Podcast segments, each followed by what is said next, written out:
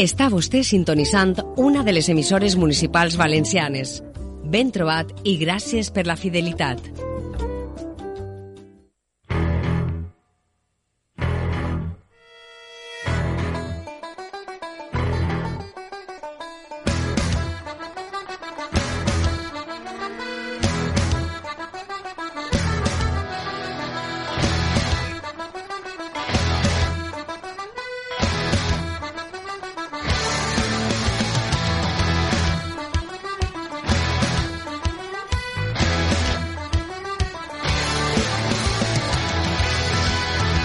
Sona esta sintonia ja tan nostra per la qual pagarem drets milionaris per fer ús eh, d'ella. Per cert, els Dropkick Murphys vivint a costa nostra des de fa ja 10 anys.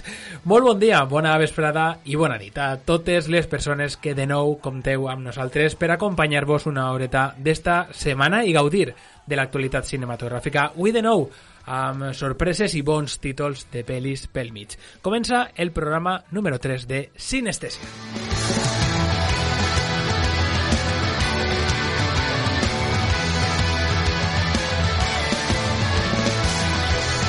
Lluís, te'n recordes, eh? Quan van tindre que pagar-los... Estava pensant precisament en, en això. Crec que hi havia una època que tenien la tarantela, eh, ràbia tarantela, que sona en Malditos Bastardos. Primera i segona abans, temporada. Abans de Dropkick Murphys, o sigui que imagina't. Això és un fet- tresoret. O sigui que hem fet rica a més gent. Sí. Sí. M'agrada repartir la riquesa.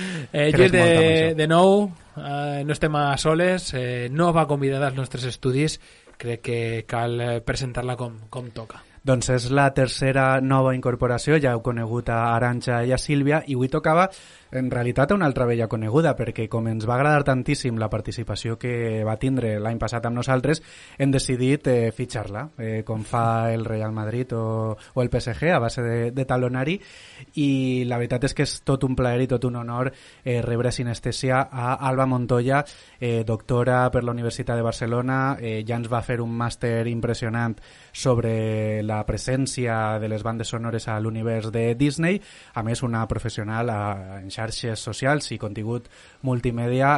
Alba, eh, benvinguda, eh, moltíssimes gràcies per pujar al vaixell de Sinestesia. Jo encantadíssima d'estar aquí i que m'hagueu invitat i poder tindre una secció de bandes sonores on enrotllar-me com una persiana, que m'encanta. I, I res. Parlar de música, a nosaltres eh, ja veuràs com ens apassiona i que ens encanta, és un dels elements que més hem parat sempre atenció en, le, en les pel·lícules Mhm. i que, a més, eh, parlar-ho amb tu esta temporada, amb aquesta veu experta que ens posarà, a més eh, de segur que molts coneixements eh, i coses que, que no coneixíem, doncs eh, va ser tot un, tot un plaer. Com hem dit a totes les persones col·laboradores que han passat per així, moltes gràcies i ja sabeu que, evidentment, le, eh, durant tota la primera part el micro està obert per a poder aportar qualsevol cosa. Ahí estaré jo ficant. qualsevol cosa. Molt bé. doncs, eh, si vos pareix, anem a parlar amb un poquet de- d'estrenes de, que venen durant esta, este divendres.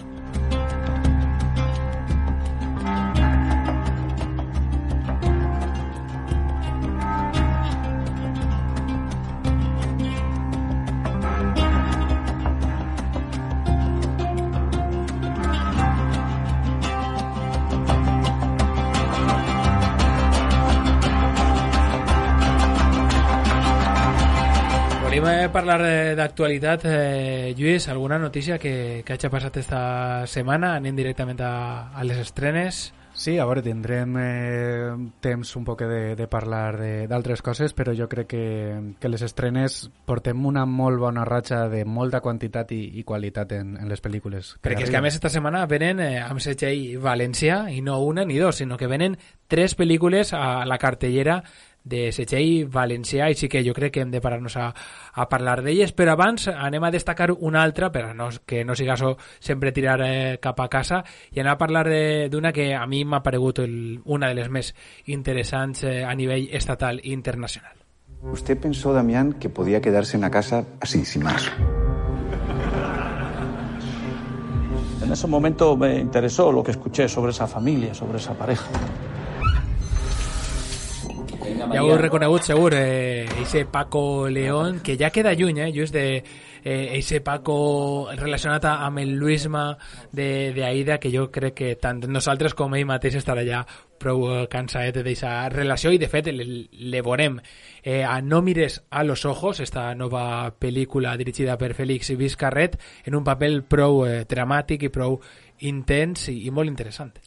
Sí, de fet jo quasi pense ja més amb el Paco León director que amb, amb l'actor, que per cert l'última pel·lícula Rainbow no ha tingut massa èxit entre crítica i públic, però, però crec que és un actor prou solvent que també pot, pot jugar en diferents rols. De fet en, en, ja, ja l'hem vist en, en Art de Madrid per exemple que, que jo crec que estava genial eh, No mires a los ojos és una adaptació de la novel·la de Juan José Millás Des de la sombra i com deien, dirigida per un talentós Félix Vizcarret, que si no el coneixeu, jo crec que sí, Bajo las estrellas, eh, el documental de Saura, per ser molt, molt recomanable, o capítols de la sèrie Pàtria, doncs eh, ha deixat el seu, el seu setxell. Eh, Lluís, eh, no mires a los ojos, una de les apostes fortes de la cartellera d'esta setmana. Sí, a més ve avalada perquè ha sigut eh, premiada a la Seminci eh, com a millor pel·li iberoamericana, té una premissa prou xula, jo crec que també és el que ens ha fet destacar-la. Uh -huh. eh, un home fugeix del seu treball i es cola en un armari dins d'un camió de mudances i apareix a una casa on començarà a viure en silenci, en les ombres, vigilant a les persones que viuen allà, ajudant-los, però com si d'un fantasma es tractara. ¿Alguna vez te has imaginado qué pasaría si se muere tu mujer? Tú sí que estás mal de la cabeza, Paulita.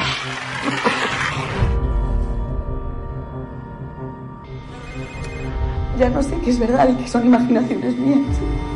Ese fantasma, a veure com, com acaba, però sí que té molt bona pinta, la, la veritat. Altra estrena important, abans d'entrar en les valencianes, és la nova d'Alejandro González Iñárritu, director, ja sabeu, del Renacido, Birdman, eh, Beautiful. Es tracta de Bardo, falsa crònica d'unes quantes verdades. Lluís, eh, no sé què passa amb González Iñárritu, que ja no enganxa, que lo diem eh, ja la, la gran majoria de, dels espectadors, eh, cau mal ja també a la crítica professional, que l'han posat eh, molt mal. Eh, no sé si això té reamuntada o no té reamuntada. Jo crec que tindrà reamuntada si, si canvia un poquet el seu eh, registre, depèn, depèn d'ell. Crec que és una, una persona que, que es, fa, es fa densa, es fa difícil de... No, no, és, un, no, és, un, no agraït i la sensació, sobretot, que té una, un ego que ha d'estar constantment demostrant-lo en, en el virtuosisme cinematogràfic, no només tècnic, sinó en, en la pretensió de la pel·lícula. A mi no m'agrada molt en general el que veig d'ell, i, i de fet amb el Renacido crec que vaig gaudir un poquet més però perquè sí que tenia aquesta aparença de pel·li d'aventures molt menys vinculada amb la religió i, i amb aquesta sensació de que t'està contant com coses molt elevades però que al mateix temps quan rasques un poquet tampoc hi ha per a tant. De fet, recorde, no sé si has vist Birdman, eh, sí, sí, sí. recorde estar tota l'estona, Alba, no sé si te va passar a tu, intentant veure els trucs, veure si la càmera apareixia, veure si el, el, el plànol se tallava o no, més enllà sí, de saber el que estava passant veure, sí, jo ni, també ni intentava... Sí, sí, sí, sí. I, de fet, mira, dius justament l'única que he vist. No puc opinar massa d'este home, la veritat, però sí que m'apareix un poquet pretensiós i a part d'allò que te quedes, dius, però què, què m'està contant? Que... Mm -hmm. Una Diuen... pel·lícula on apareix un bateria tocant la bateria i sona el que està tocant. Ho dic perquè... Això després eh, ho veurem, sí, ho sí, comentarem, sí. no? Esa, sí, sí. esa inclusió de la música. Diuen d'esta pel·li el ego desmesurado de Iñárritu o Iñárritu se atraganta de sí mismo. Vull dir, pues, lo que estaves dient tu ser dur, és, això, eh? és, eh, i a més 180 minuts de pel·li. Crec que no ha fet ninguna que, que dure menys d'això. Jo no sé si no, la crec sincerament, que... per què te vaig enganyar? No, jo crec que tampoc aniré a veure-la. I per cert, parlant d'Ego, mira com enllace, s'estrena un dels títols que més va agradar al passat Festival de Sitges, que es diu Ego. La, la pel·lícula ve des de Finlàndia, mostra una família prou obsessionada amb les xarxes socials, una xiqueta gimnasta i un ou, un ou que, que troben a casa que portarà dins la vida d'un ésser que pot canviar-li les vides. Eh, la crítica va ser molt bona a, al festival, sí. nosaltres no vam poder veure-la, però Ego eh, té una estètica molt canino, molt eh, d'este cinema nòrdic eh, fred, eh, Asfixiant. fantàstic, asfixiant, així és, que crec que tindrà molt bona pinta. Eh, anem ja amb les estrenes valencianes, si, si vos pareix. En són eh, tres, com dèiem, i cal parar-se un segonet amb, amb elles. I la primera que volem destacar és Basil, de la directora valenciana Avelina Prat. És la seva òpera prima, eh, porta molts anys al món de, del cinema, treballant com a script de directors eh, tan eh, reconeguts com Fernando Trueba, per exemple, i ha arribat al món de la direcció i crec que per a quedar-se. ¿Qué pasa, papá? Que no voy a poder quedar para ir a comer. Tengo que acompañar a una persona a una oficina de los servicios sociales. ¿A una persona? Bueno, ni siquiera la conozco, es de Bulgaria. No tenía sitio donde dormir y se ha quedado aquí a pasar la noche. ¿En tu casa? ¿Pero qué dices, papá? Se quedará solo unos días. Una setmana, com a mucho. Parlem de Basil, eh, Lluís, i, i ho fem, eh, si te pareix, eh, contant la nostra opinió abans d'escoltar a Belina Prat breument, perquè eh, vam poder parlar amb ella, però també hem pogut veure la, la pel·li a, a, enmarcada en el, la mostra de, de València. Què te va parèixer esta, esta comèdia dramàtica que ells eh, i elles, eh, al presentar la, la pel·lícula, deien que, que no volien fer una comèdia com a tal, però que era eh, impossible no riure en certes eh, escenes o seqüències que donaven per a, per a la comicitat. Què te va parèixer, Basil? Crec que és una pel·lícula molt agradable, molt familiar, que és d'aquestes pel·lícules que pots anar a, amb tota la família, és molt transversal en aquest sentit, eh, molt ben intencionada, ixes en un somriure eh, jo crec que en tot cas el pitjor que se pot dir d'aquesta pel·lícula és que és excessivament blanca uh -huh. li falta un poc de malaller li falta eh, un poc de, de realisme perquè està com molt idealitzat eh, eixe discurs que, que, pretén, que pretén aportar la pel·lícula. De fet, la directora deia que era una fàbula per, per a també justificar aquesta bondat excessiva que té el personatge de, de Basil, que l'ha idealitzat, eh, un dels motius perquè mai va conèixer-lo, i ara escoltarem en, en la conversa com eh, esta història eh, va néixer gràcies a l'experiència que estàvem escoltant eh, en el tràiler, una telefonada que el seu pare li va fer a, a ella mateixa dient-li que no podia anar a dinar perquè tenia un búlgar en casa que tenia que, que, que cuidar. Que no coneixia de res. Que no a més, coneixia de res. la veritat és que l'anècdota és, és molt xula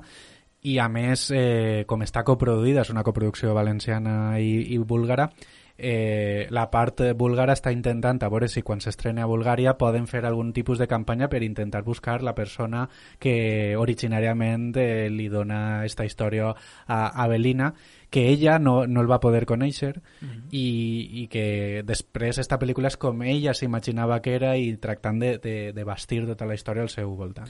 Dir que Carra Elejalde és un dels eh, personatges eh, principals, fa de pare d'ella. De, ella. ella ha, ha trobat el seu alter ego en Alexandra Jiménez, també que fa un paper molt bonic, però també dir que Carra Lejalde estem acostumats a veure-lo en un eh, perfil prou eh, bananero, per, si me permetiu la, la paraula, molt fester, molt eh, histriònic eh, en molts casos, canvis d'humor, eh, eh, excessiu, i eh, així trobem a un Carra Lejalde totalment contingut, eh, totalment eh, dramàtic, que no vol fer riure en cap moment, de fet, és la risa perquè estàs imaginant a un Elejalde que, que de ocho apellidos vascos o, en, o d'altres eh, pel·lícules i que no te'l creus en aquest personatge, tot i que, evidentment, eh, ho fa molt bé i crec que és un encert eh, per al càsting, però és veritat que era curiós veure este, este paper de, de Carra. Ell va dir que, que a més, ell és eh, totalment lo contrari, és una persona impacient, que no té, per això no li agraden les xarxes ni el mòbil, diu que no, no ho aguanta,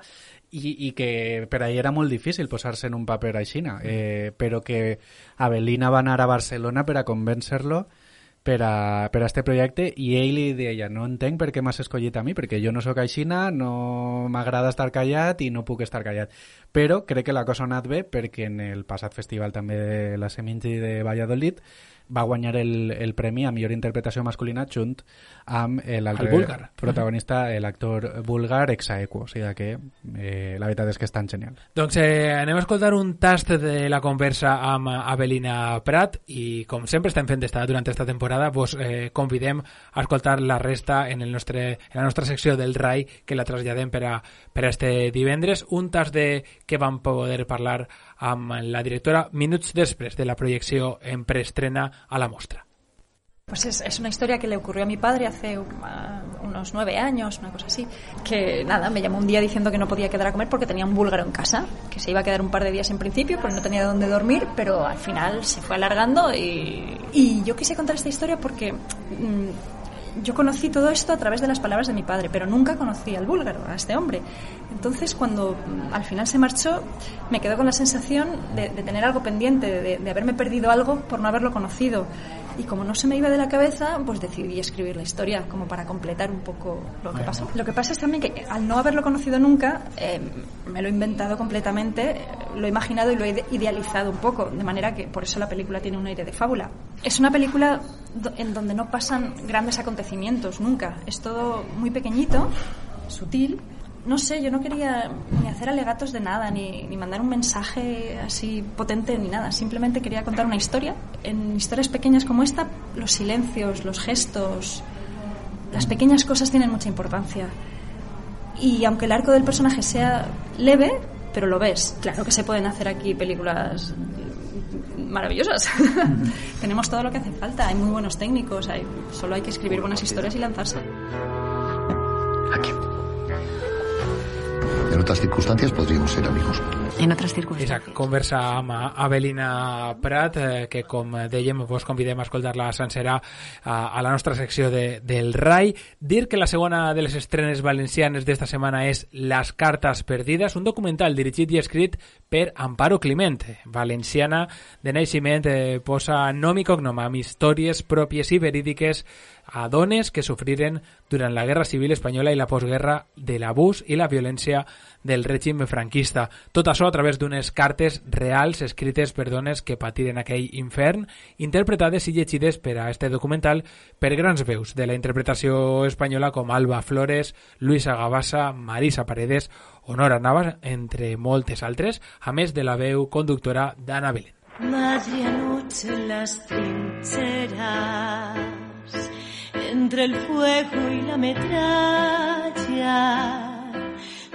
Querida hermana. Queridísimo madre, ya estoy recuperada del parto. Hoy es un día muy triste. La veritat és que no sé quantes setmanes hauran estrenat tres pel·lis valencianes a les sales. És, crec que és una molt bona notícia que esperem que tinga continuïtat, però és que a més totes han aconseguit alçar projectes prou interessants amb, amb actuacions eh, a nivell estatal d'actors i actrius molt potents com la que, la que ve ara, la, tercera, la tercera que, la que tercera, queda... que per a nosaltres eh, podria ser la gran estrena, no només d'esta setmana, sinó pot, pot ser de l'any a nivell valencià i ens ve des, de, des del Baix Segur, Ayos.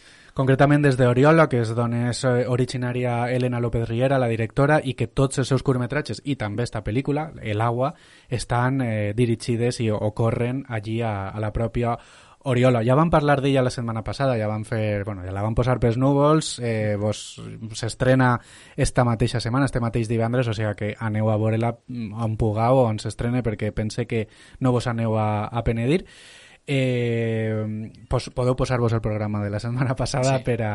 encara està vigent, jo crec que, que tot el que van dir seguim una setmana després seguim pensant, pensant amb ella, crec que és una pel·lícula que se te queda molt dins Eh, també eh, crec que seria interessant, perquè hem pogut parlar amb la directora, la van pillar anant-se'n ja en el tren i, i no tenia pressa. Eh, va ser molt xulo perquè ens va regalar 40 minuts d'entrevista, de, que no els, no els anem a posar sencers, perquè si no ja s'acabaria el programa, però, però la veritat és que fa gust escoltar una dona que té les coses tan clares a l'hora de dirigir, que uneix tantes coses personals amb coses universals en una pel·lícula que a més és la seva primera pel·lícula. És que té un mèrit increïble, no, no podem deixar de pensar en això. Doncs eh, 10 minutets de conversa amb Elena López Riera, demanar disculpes pel so si s'escolta de fons aquest ambient de, de trens i de, de Renfe, llamada. de última llamada, però era... Eh, era el que tocava en, en aquell moment, així que esperem que, que la gaudiu i també, per favor, que aneu al cinema a veure-la perquè és tota una delícia. Doncs eh, unes hores després eh, d'haver pogut veure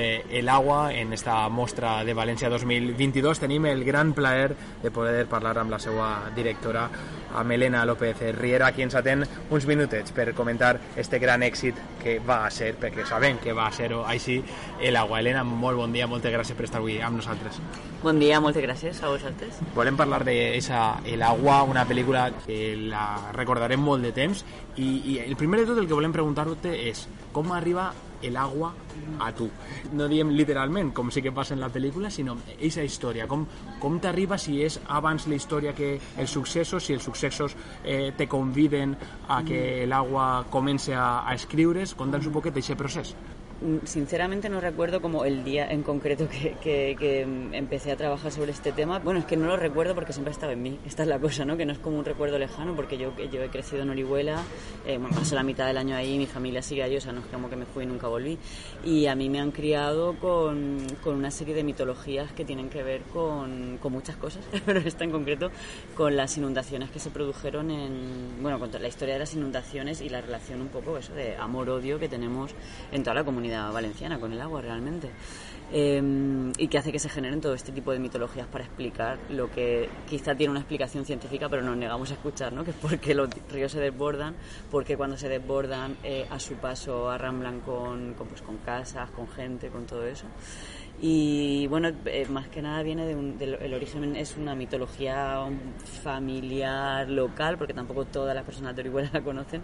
Eh, muchas veces me pregunto si se lo inventaba mi abuela, que tenía una imaginación prodigiosa y ojalá hubiera, eh, haya heredado algo de eso. Y, viene del, del recuerdo que, que, a mí me dejó la realidad del 87, que fue la, primera que yo viví en primera persona, ¿no? Y, y, el, y el recuerdo que tuve de ella. Y en 2017, si no me olvido de las fechas, hubo como un amago. luego no, no, fue tan grave, ¿no? Fue un poco de tormenta y no fue tan grave. Y ahí como que todo eso se reactivó. Y empezamos a, a escribir el guion con mi co-guionista, con Filipa Subi. Y luego lo que sucedió fue que en 2019 pues sí que se produjo la, cuando ya teníamos una, una versión bastante avanzada de guion, eh, se produjo la Dana de 2019, que fue la más, eh, la más violenta que se recuerda desde la del 47, que fue la de Santa Teresa. Y lo que sucedió también en esa Dana fue que por primera vez la gente tenía teléfonos móviles para grabar y redes sociales para contar en directo lo que estaba pasando. Y eso para mí fue revolucionario en términos de relato, ¿no? En términos de cómo se, cómo se construye esa memoria colectiva desde un punto de vista individual, de muchas individualidades, ¿no? Como cada persona va contando su micro desgracia que, que, que van a no sé, qué va generando esa memoria colectiva, que a mí es algo que siempre me ha obsesionado mucho, ¿no? Como la memoria colectiva, cómo se van transmitiendo esos relatos de la memoria colectiva, cómo, cómo resuenan en cada, en cada persona. Y bueno, poco a poco fuimos incluyendo en la historia que teníamos de ficción esos elementos que, que forman parte de, de, la, de la realidad y bueno, pues así fuimos haciendo esta especie de peli rara donde hicimos todo lo que no se tiene que hacer, mezclamos todo lo que no se tiene que mezclar eh, y bueno, que fue realmente un proceso vivo tanto en la escritura como en el rodaje como, como en el montaje. Volíem preguntar-te també per eh, si havies vist la pel·lícula de la innocència, que també està eh, rodada a la comunitat valenciana, perquè li veiem certs paral·lelismes en el sentit de la relació amb el territori, la relació amb els orígens de la jove protagonista, Eh, I aquesta relació que tu comentaves que tenia una relació d'amor i odi amb l'aigua eh, en la zona de la Vega Baja, també una relació d'amor i odi amb el propi poble que t'acollís, no? perquè al final tant tu com eh, Lucía Alemany esteu molt arraigades en el poble, no pareu de treballar allí, no heu anat fora, eh, però al mateix temps eh, plantegeu també una pel·lícula on, on la gent jove és expulsada perquè són llocs oblidats per l'administració, per el centralisme, per, per el que siga. Eh, me da muchísima vergüenza, pero no la he visto. pero Lucía, si me escuchas, voy a verla eh, de, verdad, de verdad, porque no tengo excusa. Eh, como no la he visto, pues no lo puedo comparar, pero sí que en mi caso hay una relación de amor y odio con el origen en todas sus dimensiones, ¿no? O sea, con, con la familia, con la educación, con, con, el pueblo. Creo que eso está en muchas películas, en muchos libros, o sea, está como en la historia de, de la representación, ¿no? El amor y odio por el lugar donde, de donde somos y por el lugar donde venimos. No me lo he inventado yo ni mucho menos, ni Lucía tampoco creo que lo más complejo es decirlo en las entrevistas también, ¿no? Y exponerlo de una manera abierta porque, porque es muy fácil que se tergiverse y es muy fácil que la gente eh, diga, uy, esta que ya no quiere ser del pueblo, ¿no? Pero yo lo que intentaba hacer con eso es no esconderlo, lo primero, y, y lo segundo, hacerlo materia de trabajo. Y eso desde el primer corto, porque me pasó una cosa que me dolió mucho, era más joven también, no, no, no, no me daba cuenta de lo que significaba. Bueno, era un corto de ficción que contaba la historia de, bueno, como la historia de la protagonista del agua, pero 20 años después, ¿no? Como que vuelve al pueblo, ya que ha hecho su vida y tal. Y había una parte documental que eran las procesiones de Semana Santa, en las que soy una obsesa de los retratos, como habéis podido observar, me podía pasar horas mirando caras, o sea, una fanática de eso. Y me acuerdo que rodábamos a un chico, eh, un plano así, y, y, vamos, esto sí que es deontológico, nunca escondo la cámara, creo que, que forma parte, o sea, no podría rodar a escondidas nunca. Y la cámara estaba muy cerca de ese chico. Ese chico nos miró con, o sea, es como una mirada desafiante en plan de ¿qué vas? Como ¿quién te crees que eres? Bueno, lo que yo me, monté después con esa mirada, ¿no? Que es la que cierra el cortometraje, que es una mirada a cámara de ese tío, que es una mirada hacia mí. Entonces ahí entendí que no era yo la que estaba mirando al pueblo, era el pueblo que me estaba mirando a mí, ¿no? Y bueno, lo que intento es, en lugar de esconder ese tipo de complejidades que hay, del, querer irse, el del desarraigo, el no saber si de aquí o de allí, en lugar de esconderlo, pues integrarlo en mi trabajo y, e intentar entenderlo, ¿no? E intentar entender también lo tremendamente horrible que es irse de casa. Es que el 99% de las personas que aparecen en esa película son de ahí y son no profesionales. Y o son de allí y han aparecido delante o están detrás de la cámara en el equipo de trabajo y claro, tengo un pánico terrible a que esa gente no sienta todo el amor y la complejidad que hay en esa mirada y en ese deseo de irse y el respeto también, ¿no? A la gente que se queda.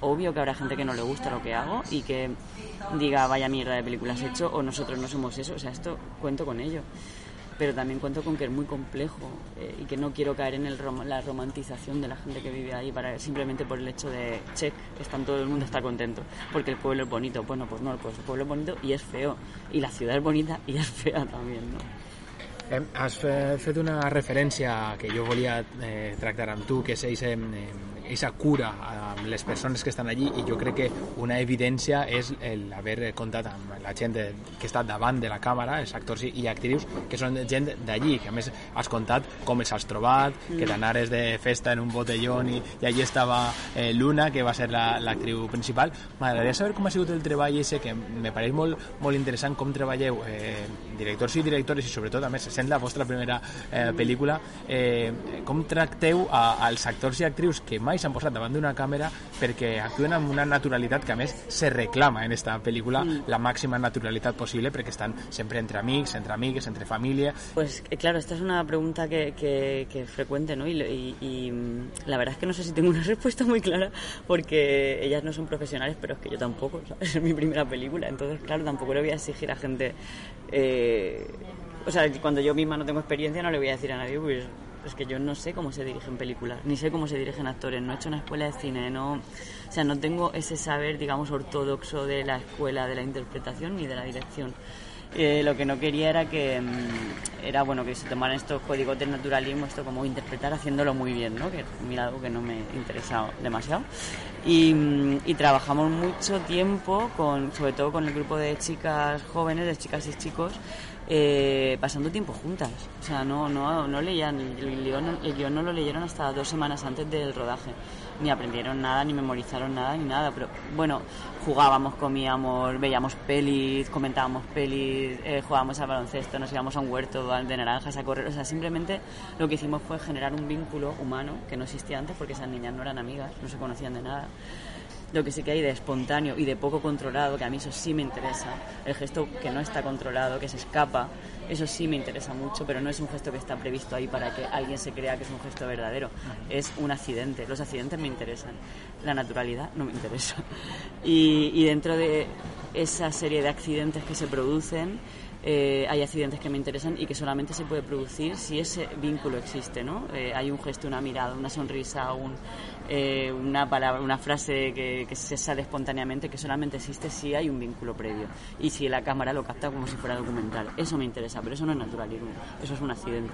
Has dit que, que com eres molt exigent i no t'agrada el que fas i te pareix horrible, que necessites seguir treballant com, no sé si és per a deixar-ho arrere i anar sí. oblidant i anar passant etapes no sé si ens, pot, ens pots avanzar alguna cosa de propios proyectos en los que estás trabajando. Sí, sí, de hecho estoy ahora en la residencia de la Academia de Cine en Madrid eh, intentando avanzar, que la verdad no he avanzado mucho con el guion porque, bueno, porque estoy ahora pues eso, presentando la peli y eso.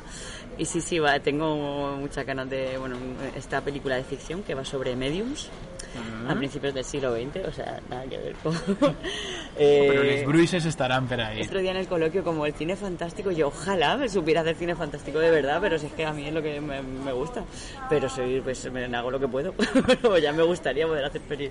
Eso, y tengo mucha ganas de hacer un corto, eso, irme con mi cámara yo ahí como, y hacer con algo pequeño. Es que yo necesito hacer todo el rato. Sempre, sempre produint. Sí.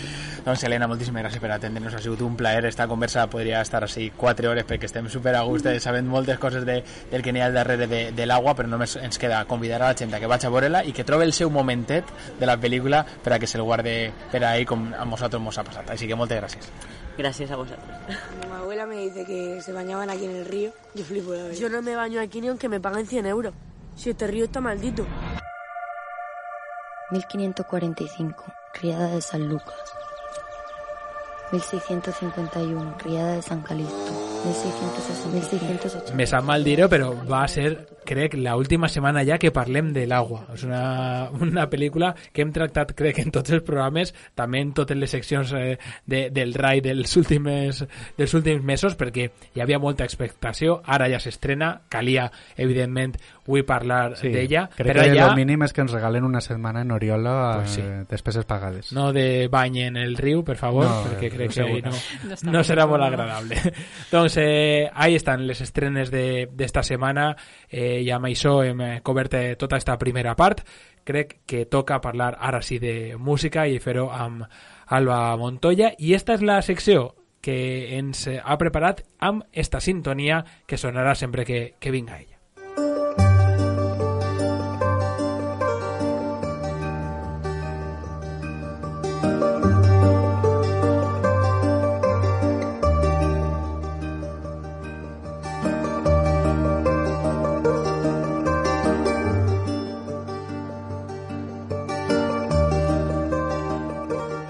Bé, com haureu pogut imagina, imaginar, cap música que puga posar en esta secció és casualitat. Mhm. Eh, I és que començant en el tema de diarios de motocicleta de Ushuaia a la Quiaca, que no quinoa, eh, de Gustavo Santaolalla, eh, volia introduir-vos en un terme bàsic de la banda sonora. Eh, se tracta de la Temp Track. No sé si... Temp-track. Sí, sí. No sé si heu sentit parlar.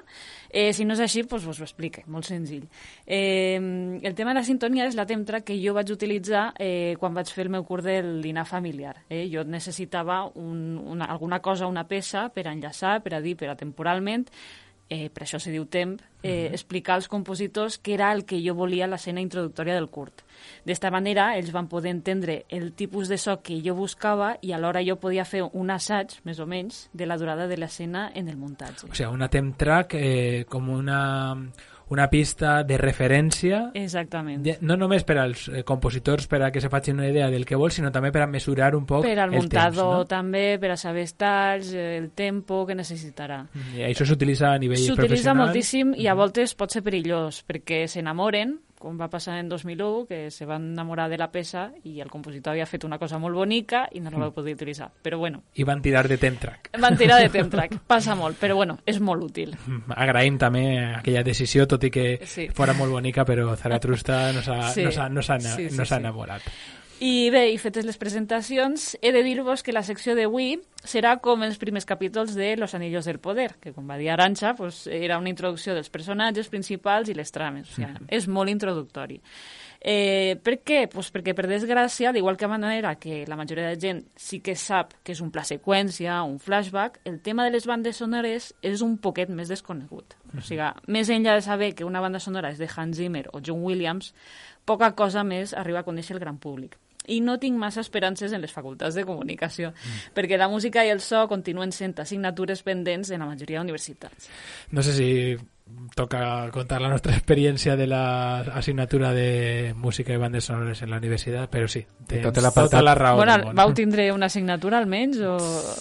Sí? En, sí. en general, tot l'apartat sonor crec que... Sí, però s'englobava tot en una i Sí. era tot un batiburrillo. de Sí, cosetes. bueno, és, és el que sol passar. Doncs eh, encantadíssims de, de que ens dugues esta masterclass introductòria, Alba. Eh, Convalida per, per sis crèdits, com Sis a mínim, si escolteu Eh, esta mínim. secció. One dit, Mínim. one dit. Sí, sí, sí, sí. Sis crèdits que comencen ara mateix amb la secció de, de Alba.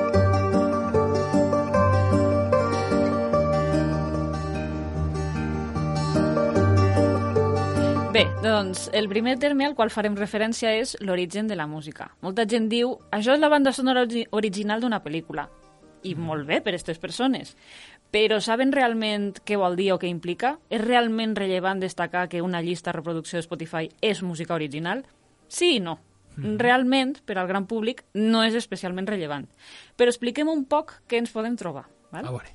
En primer lloc, com esmentàvem, tenim la música original, és a dir, aquella que ha estat escrita expressament per a l'audiovisual. Seria el cas de la música de Beir McCreary, no sé com se diu massa bé, este senyor, eh, que és el que ha creat la música de Los Anillos del Poder.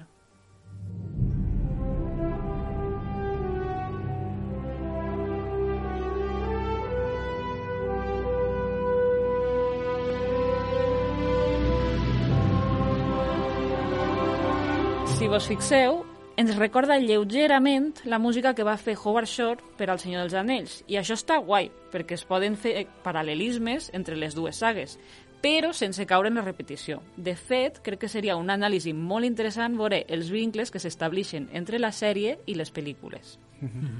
Eh, pot ser que Howard Shore eh, hagi participat eh, en algo de- d'esta de, esta banda sonora? de No ho he investigat, però És seria que interessant veure-ho. Mentre sí. ho estaves parlant, m'estava sonant tant que dic que això no sé si ha posat la, eh, eh, la mà a ell i sí que veig que, que està compartida la, la banda sonora Bear McCreary com, Sí, i McCreary, Howard sí. Shore, però clar, no sé si és que en algun moment són algun leitmotiv que ja és d'ell Mm, No, he arribat a escoltar No, res. No, com a, com a tal, no. Eh, Aleshores sí que pareix que eh, alguna col·laboració ha fet, perquè sí que està als crèdits eh, com a tal, així que és in- interessant també. Eh? Pot ser, haurà estat vigilant que no se'n vaig a molt el que, que no comentava el baixa vaja- vinculació. Sí, a veure, hi ha coses que sí que se'n van un poquet, però Mm. sí que escoltant-la dius, me sona, me sona. Recorda. me recorda. en veritat. Sí, sí, sí, totalment.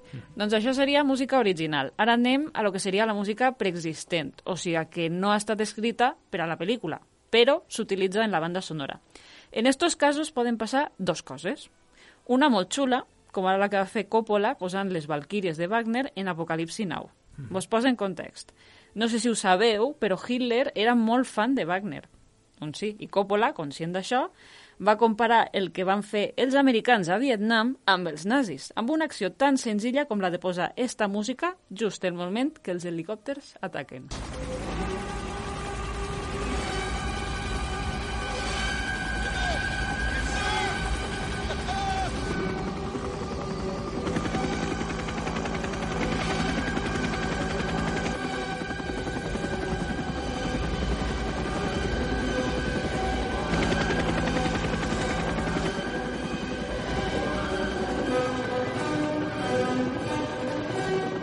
Però utilitzar la música preexistent també té un costat fosc, i és que pot posar, mm, se pot posar molt poca idea. Pot passar que una cançó estiga de moda i tot el món la pose en la seva ficció.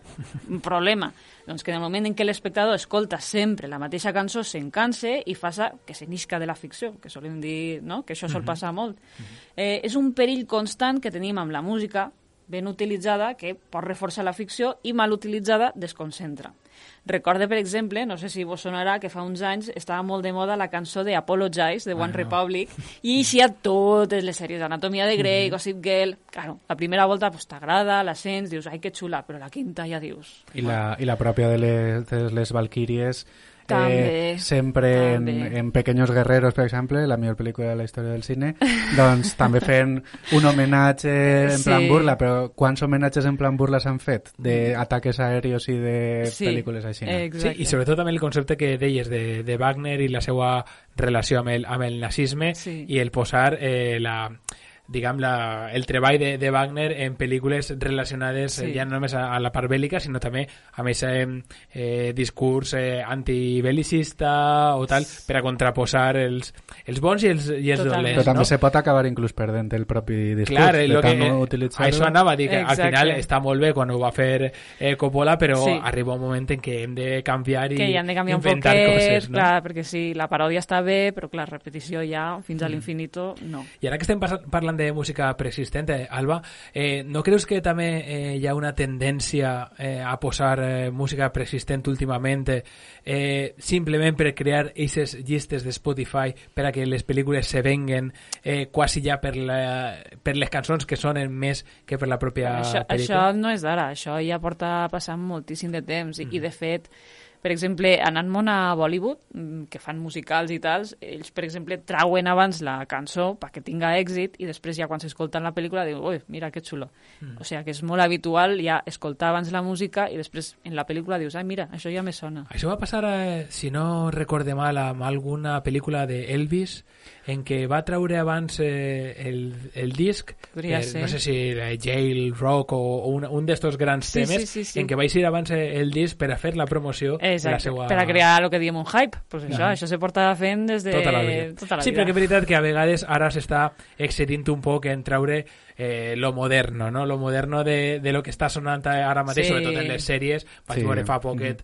la de les últimes de la fila eh, i bé, la, la playlist que sona Sí. les últimes de la fila és la hits indies del Sí. momento, Sí, saps? és, és com la última també de Thor, que era una playlist de Aerosmith, crec, i, i constantment lo mateix que dius, bueno, ja, ja, ja està bé. I el, el món publicitari també està esperant a veure Tarantino quin es gasta i, i, Exactament. i poques mesos després sempre vas a trobar alguna de les que hagi sonat en algun anunci, Sí. o sigui, és que no falla. Sí, sí, sí, sí, no falla.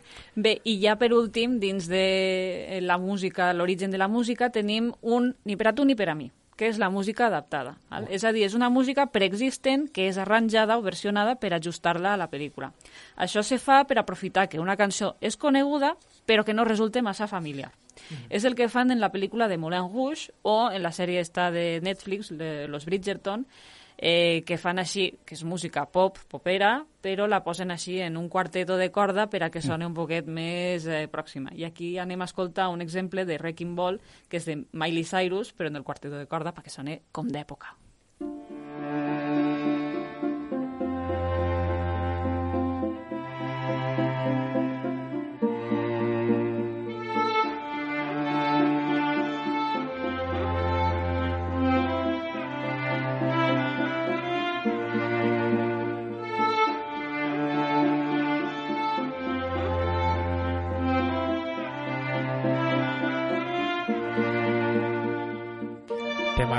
Eh? de reconèixer que temas. Total, total.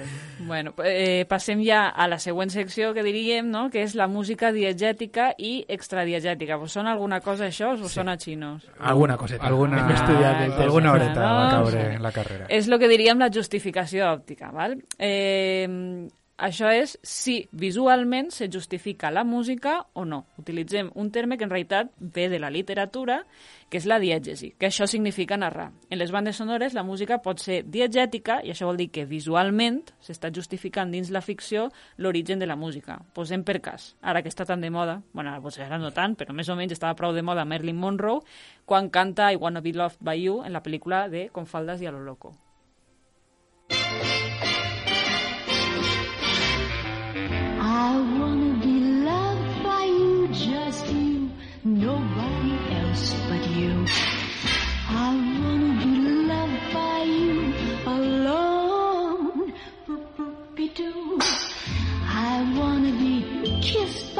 just you, nobody else but you. I wanna be kissed by you alone. I could Bé, la podem veure cantar i darrere estan els músics. Per tant, està totalment justificat que estem escoltant esta música. Però què passa? Després tenim el que seria el que la gran majoria de la música de bandes sonores estem escoltant, que és la música no diegètica o incidental, que és aquella que no prové de fonts naturals i els protagonistes no poden escoltar. Anem a posar un exemple prou paradigmàtic eh, que visualment segur que tots teniu en la ment, que és l'escena de Titanic en què Kate Winslet diu «Estoy volando». Sujétate a la barandilla. Mantén los ojos cerrados, no mires. No los abro.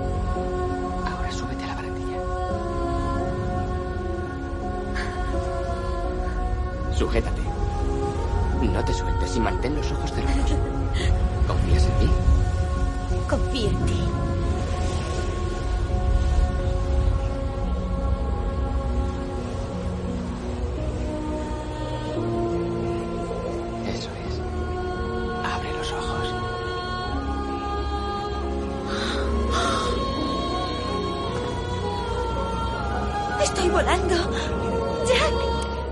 Volando. O sea, que allí no estaba Celine Dion cantant-los en l'orella, no, no? curiosament no, eh? Estaria no, no guai, hi havia eh? un cor angelical ahí darrere. Que girara la càmera i estiguessin Eh, ahí tots interpretant. sí, sí. Bueno, que de fet en Titanic sí que hi ha, al final, quan s'estan enfonsant, que sí que hi ha el quarteto de corda que està tocant, però després hi ha molts moments que dius, no, aquesta orquestra Esa no no, era. està ahí, no està ahí.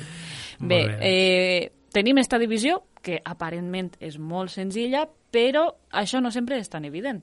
I moltes voltes es produeixen el que diem hibridacions. Per exemple, quan un personatge escolta la ràdio i a partir d'un moment desapareixen els sons ambient i únicament se sent la música.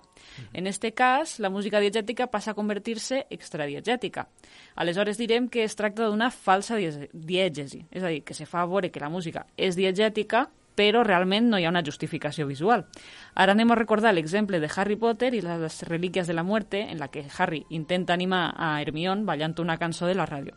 Al principi s'escolta fluixeta i a mesura que s'obliden de la realitat, els sons ambient van desapareixent. Eh,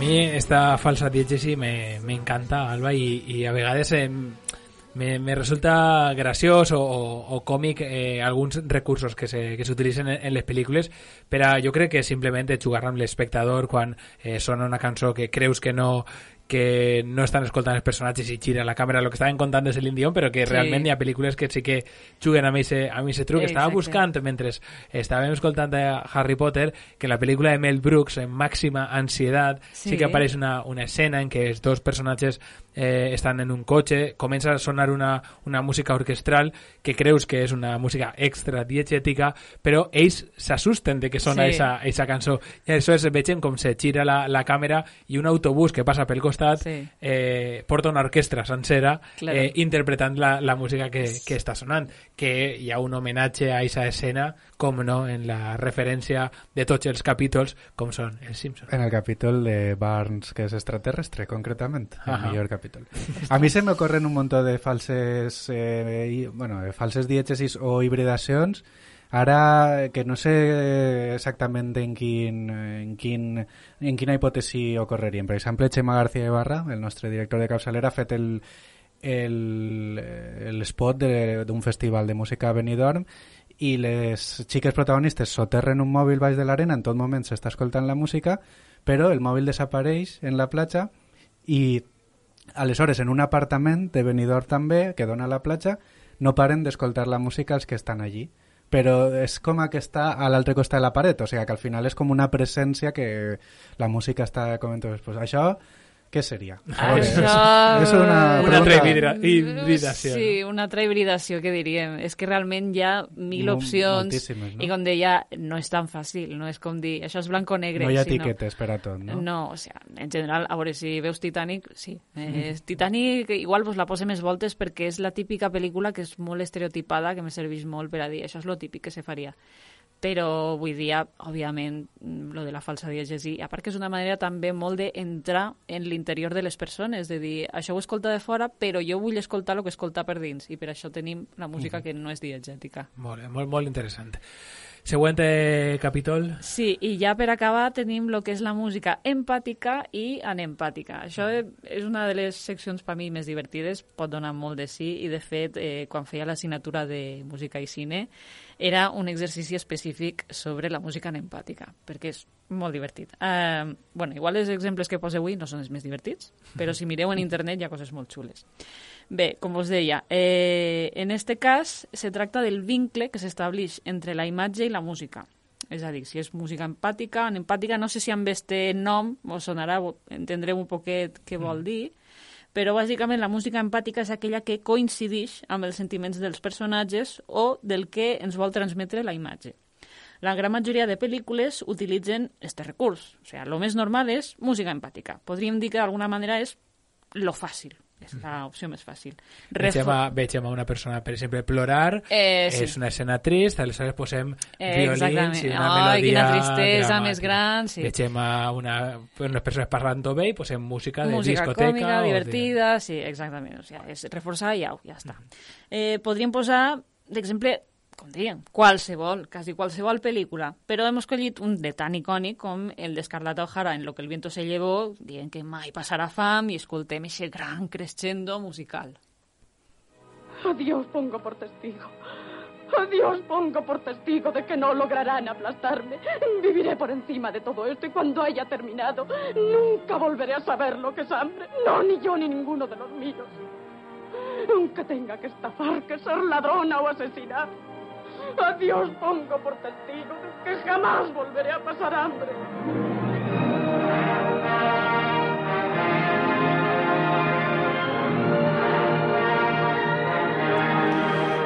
Música, esta seria la empàtica, òbviament. Totalment empàtica. Totalment. En eixa època fa la sensació que era lo, Era- lo més habitual sí, del món. Sí, sí, de era... fet, hi ha tres conceptes en aquesta època que després parlarem. Eh, avui no, un altre dia parlarem del Mickey Mousing, que m'encanta, però la música empàtica en aquesta època, òbviament, era sempre l'habitual. Què és la música empàtica? O de contrapunt, també. És la que fa un efecte contrari al proposat per les imatges. Per exemple, després d'una escena particularment durma, dura afir que afirma doncs, la seva indiferència, per exemple, no? És una escena ahí molt trista, molt dura, i apareix una música que és molt, molt lleugera, molt tranquil·la, com si, com si no passarà res. Això, per exemple, seria empàtic. Això passa, per exemple, en la pel·lícula Deadpool, on se posa música alegre al costat d'escenes d'extrema violència, buscant la comèdia amb el contrapunt musical. O sigui, en est- per això vos deia que la empatia pot ser molt divertida. I ara també l'exemple que anem a veure que és de la tercera temporada de Stranger Things, quan en l'escena final de màxima tensió se posen a cantar Neverending Story. Turn around. Look at what you see in her face. The mirror of your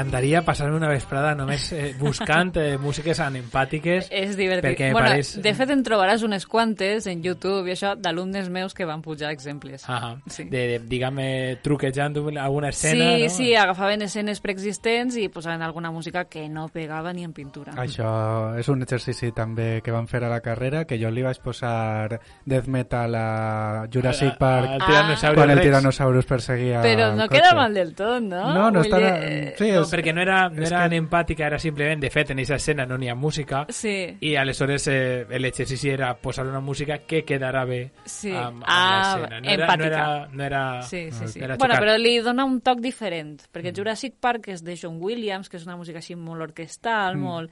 I trencava, I, sí, i sí. trenca, trenca, sí. Eh, a mi m'està venint al cap una... Bueno, a banda de la música clàssica utilitzada sempre per a eh, descriure a assassinos en sèrie o gent de, Sí. totalment eh, malaltissa de- d'assassinar a, a gent Sí. eh, s'utilitza molt eh, la música clàssica per a descriure aquestes eh, actituds eh, com que la passió de tot assassino en sèrie sabem que és eh, pues Wagner podria ser uno que, Sí. que parlat abans, però també qualsevol altre Sí, de eh, fet, compositor. en, no? en El silencio de los corderos està escoltant a Bach, una que és preciosa, una peça, i dius, ostres... Sí que se fent- crea un poquet Joder. Sí, és totalment Ai. tan empatia això, però de fet també això se fa perquè moltes voltes fan que els assassinos en sèrie o els dolents estos pues, com que són gent molt refinada i per això escolta música Sí, clàssica. en el asesinato de Richard Nixon també el que vol assassinar-lo està obsessionat. Lo qual ja acaba sent un estereotip, que Ja, això sí, sempre és massa, una cosa que massa. les bandes sonores acaben dient això és un estereotip, mm, tira per un altre camí que ja... I, me- i m'estaven recordant també de, de l'inici de Funny Games, en què vegem a la família idíl·lica, un paisatge bu bucòlic en el cotxe i de La repent música també, comença també n'hi ha música, música i de repent música- se talla d'un Sí. segon a un altre i comença a sonar heavy metal a saco que realment eh, és anempàtica per a aquesta escena, però no per al conjunt de la pel·lícula. T'està anticipant Eh, Exactament. el que això, vindrà, mira, no? això t'estàs avançant, t'estàs anticipant La, la següent classe. La següent a classe. les pròximes classes, que Ah, és vale. de com la música també t'anticipa. Ah, molt bé, doncs mira, no ho sabia, ahir Sí, hem deixat la, la ahí, llavoreta. sí, I exactament. una altra cosa també que eh, has de dur algun dia, que és algo que també m'apassiona, és l'anacronisme. La música... Oh, això puc fer tot... i És que hi ha una tesi doctoral, una xica que conec que va fer tota una tesi sobre com se fan anacronies contínuament en... en- Musicals en el cinema? Musicals, sí, Uh, sí, sí. sí, doncs sí. dia mos pot enviar un tall o Ah, sí, li ho diré, sí, sí, sí. Perquè és, és veritat que m'encanta veure eh, música electrònica en, en pel·lícules Sí. medievals o cançons eh, fora totalment de context, com en Maria que- Antonieta... Tot i que el que sol passar és que utilitzen música clàssica pensant que és correcta per a l'època i igual se'n passen dos segles o una cosa així. Això també, Però això també és com anacronia. no s'enterarà ningú, no? Eh, sí, O molt poc- o excepte molt poqueta els musicòlegs que estan ahí, vinga, que mal, que mal. Bueno, doncs, eh, com haureu eh, notat, eh, Alba té una presència educativa al seu discurs increïble, hem après moltíssim, esperem que vosaltres a l'altra banda de la ràdio també. És un plaer, i va ser un plaer, tindre't una vegada al mes, Alba, parlant de música i de bandes sonores, perquè aprendrem moltíssim de, de tots aquests elements que potser se mos passen quan diem ens agrada esta banda sonora, sí, però Exacte. per què ens agrada? Doncs Exactament. tot això està, està dins. Moltíssimes gràcies per, per tot allò que ens has dut avui. I jo encantada, m'ho he passat superbé. Lluís, eh, està sonant una melodieta així molt, molt anime. Això què és? Doncs mira, eh, una persona pel carrer m'ha abordat i m'ha dit per favor poso eh, l'opening, la intro de, de Moyashimon, eh, un, un tema que és Tales of Agriculture. No, sí, algo el, així. No? el, bueno, el tema és currículum eh, de Moyashimon Tales of Agriculture i eixa persona és ni més ni menys que el responsable de la ràdio Godella eh, Jordi Coll. Que t'ha agafat ahí de, del braç i dient... Sí, sí, no, Fem-me no, cas. Eh, és de veres que li la devien ja des de la setmana passada, així que no res, moltíssimes gràcies perquè a més són sempre mos porto cançons que ningú mai ens les demanaria i així descobrim noves cançons i noves sèries també. Moltes gràcies, Jordi, i moltes gràcies a totes les persones que ens escolteu una setmana més. Esperem que hàgiu gaudit d'este programa i la setmana que ve més amb el quart convidat serà Manu i tancarà el rogle d'esta d'esta temporada amb els quatre convidats i, i convidades. Esperem que, que sigui igual d'interessant que ha sigut eh, avui i, i van ser les dues setmanes passades. Ens escoltem eh, ben pronte. Gràcies. Gràcies, Salva, gràcies a qui ens escolteu i ja sabeu, aprofiteu esta setmana per a veure bon cinema i bones sèries. Gràcies. Adeu.「な